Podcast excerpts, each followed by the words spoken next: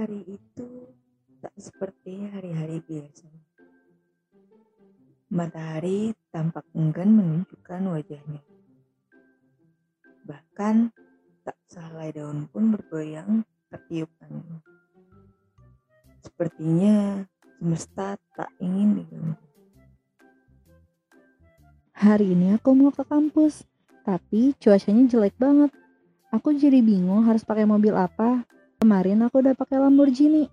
Kalau pakai Tesla, aku takut kesambar petir. Apa aku minta mobil baru aja ya ke Dedi? Kalau begitu, aku pakai Mini Cooper aja. Mari kita coba.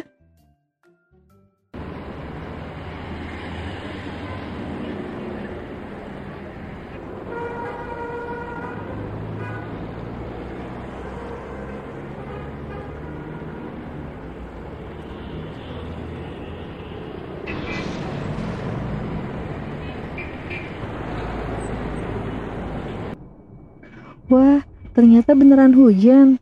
Aku tidak melihat jalan dengan benar. Apa yang harus aku lakukan?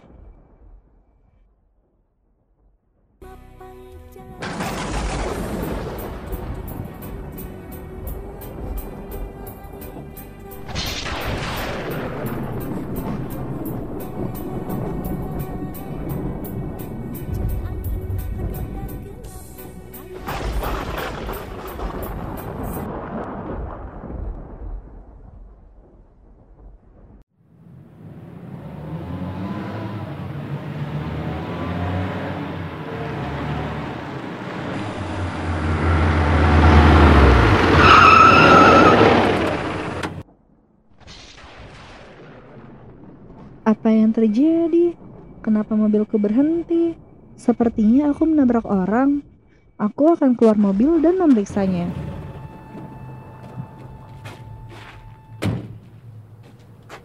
Ada ibu-ibu guys. Eh, kok nggak ada ibu-ibunya? Sepertinya aku harus menghubungi bengkel. Mari kita telepon.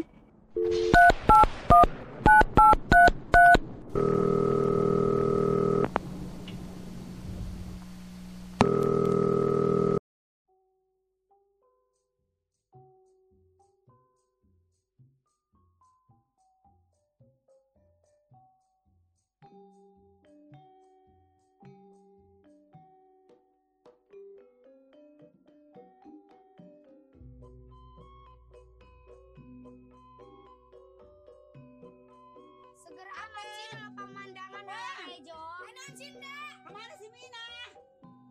Amat teh Mina mah tuh di bawah genderuwo. Anggur ya bohong dia anu di narawa.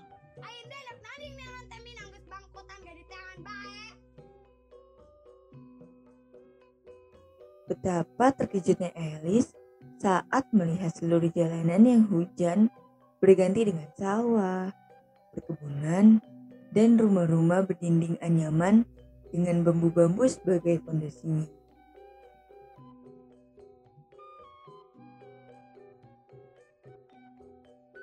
Di mana ini? Kenapa aku ada di sini?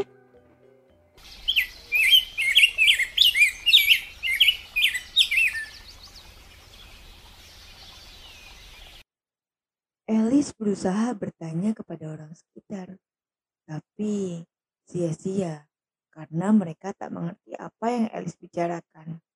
Begitupun sebaliknya. Halo Bapak, tadi aku nyasar ke sini. Bapak tahu arah kembali gak ke Jakarta? Euleun Neng meni geulis. Tiasa nyarios Sunda, Neng. Bapak teh tengah artos, Neng. Bagaimana ini? Aku tidak paham bahasa Bapak ini.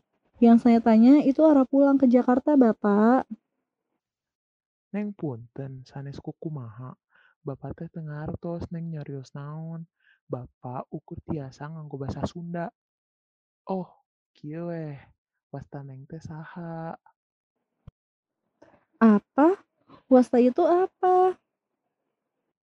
Si Neng teh tengah artos oge nya. Wasta teh nami, Neng. Naon lah disebutna teh? Nama Nama saya Elis. Neng Elis? Atau nami atau Sunda pisan tapi teu tiasa nyara Sunda geuning? Saya mau tanya, Kalau mau ke jalan raya lewat mana ya? Oh, kadia mah tara aya tukang sariaka yang ngaliwat. Saya mau ke jalan utama. Bisa tunjukkan jalannya ke mana? Oh, kadia mah tara aya tukang sarikaya nu ngaliwat, Neng. Saya mau pulang. Tolong. Ih, sahurna tadi Srikaya. Ayeuna tunjukkan jalan. Priyogi Hidayah atau Nabi Burayak ieu teh, Neng. Eueuh. Saya mau pulang. Tolong.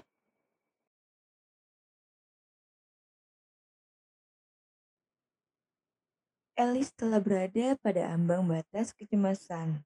Mendengar bahasa aneh dari bapak-bapak yang ia temui tersebut. Bingung, gelisah, takut, dan keinginannya untuk pulang bercampur aduk menjadi satu. Elis terdiam tanpa mendengarkan ocehan bapak tersebut. Elis berhenti berkomunikasi. William Goodikins menjelaskan bahwa ada batas minimum dan maksimum dalam ketidakpastian dan kecemasan untuk komunikasi yang efektif.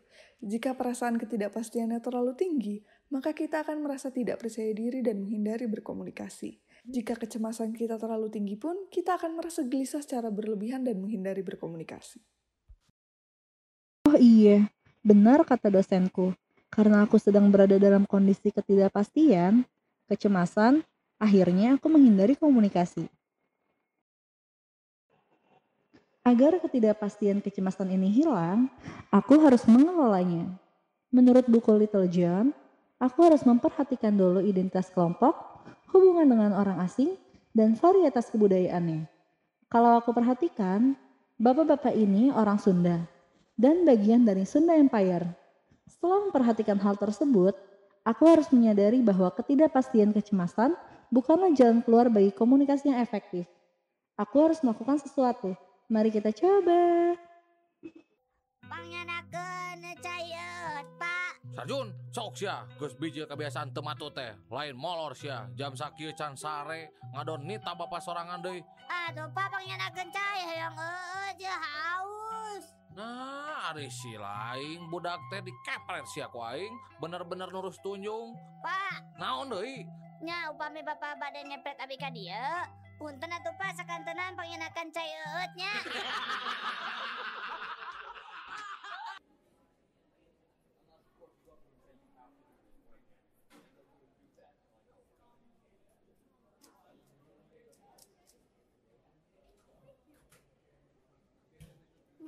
bedana nini nini jeung Karimi.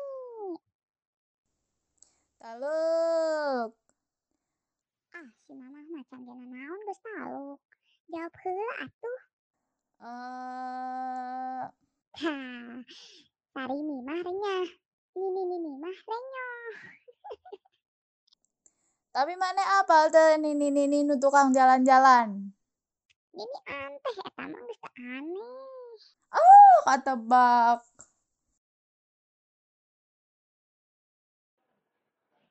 Menurut Hasvede, ada empat dimensi kebudayaan. Yang pertama power distance, kedua individualis kolekti- kolektivis, yang ketiga maskulin feminim, dan uncertainty avoidance. Berdasarkan pengamatanku, orang-orang di sini memiliki power distance yang rendah karena anak kecil dan ibu itu dapat bercanda tanpa terhalang oleh senioritas. Orang di sini juga selalu berkelompok, yang menandakan mereka berbudaya kolektivis. Sedangkan uncertainty avoidance sepertinya rendah. Buktinya, tadi ada bapak-bapak yang dengan santai berbicara dengan aku meskipun aku orang asing.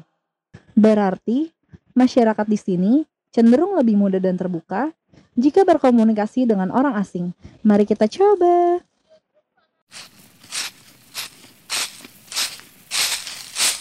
Permisi, Eh, Neng, ada perlu apa? saya Elis dari Jakarta.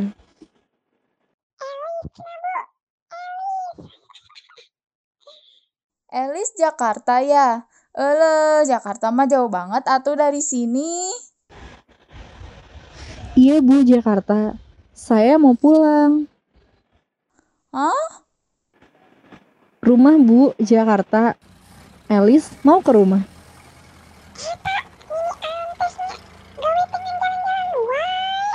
Nya ih, kamari geus ka jalan. Ayeuna ka jalan deui. Komo kamari mah mau mobil alus. Nah iya bu, Elis juga mau ke jalan.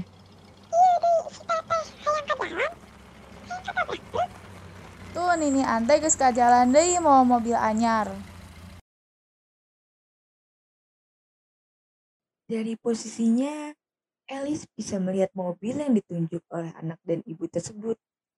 Ia kaget karena mobil yang ditunjuk di sana barusan adalah mobil terakhir yang dipakainya sebelum ia sampai ke sini. Tunggu.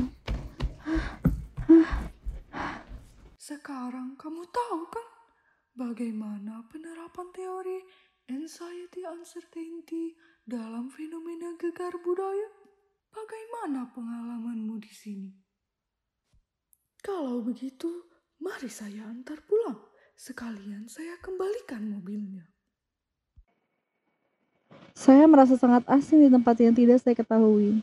Ketidakpastian serta kecemasan saya meningkat secara drastis, sehingga saya merasa terintimidasi dengan enggan berkomunikasi. Namun, setelah saya mengatur pikiran saya, menganalisa lingkungan sekitar, dan mencoba membuat koneksi dengan orang asing, saya akhirnya bertemu dengan Anda. Kalau begitu, mari saya antar pulang. Sekalian saya kembalikan mobilnya. Berangkatlah Elis dan Nini Ante menyusuri jalan berkabut. Sesampainya di depan rumah, Elis segera keluar dari mobil. Sungguh mengejutkan, bukan sulap, bukan sihir. Ketika Elis berbalik, nenek Ante sudah hilang entah ke mana.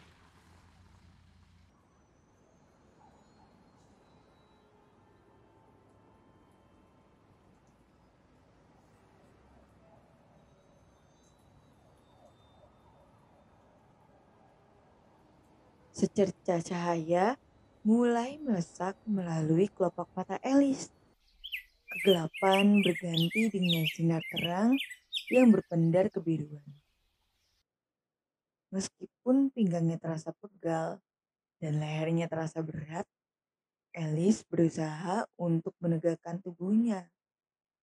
Betapa terkejutnya dia ketika melihat meja dengan kertas-kertas berserakan sebuah buku karya Little John, serta laptopnya yang menampilkan sebuah catatan dari Microsoft Word. Penerapan teori anxiety uncertainty manajemen teori dalam fenomena gegar budaya. Hmm, kayaknya aku ketiduran deh pas lagi nulis esai. Mana udah jam 2 pagi lagi. Oh, ini udah selesai ternyata. Oke deh, tinggal submit di Google Classroom. Ya, begitulah kisah Elis in Sunda Empire. Sebuah podcast ringan yang mengemas teori komunikasi dengan cara yang menyenangkan. Apakah Elis benar-benar pergi ke Sundaland atau hanya bermimpi? That's for us to know and for you to find out. See you next time.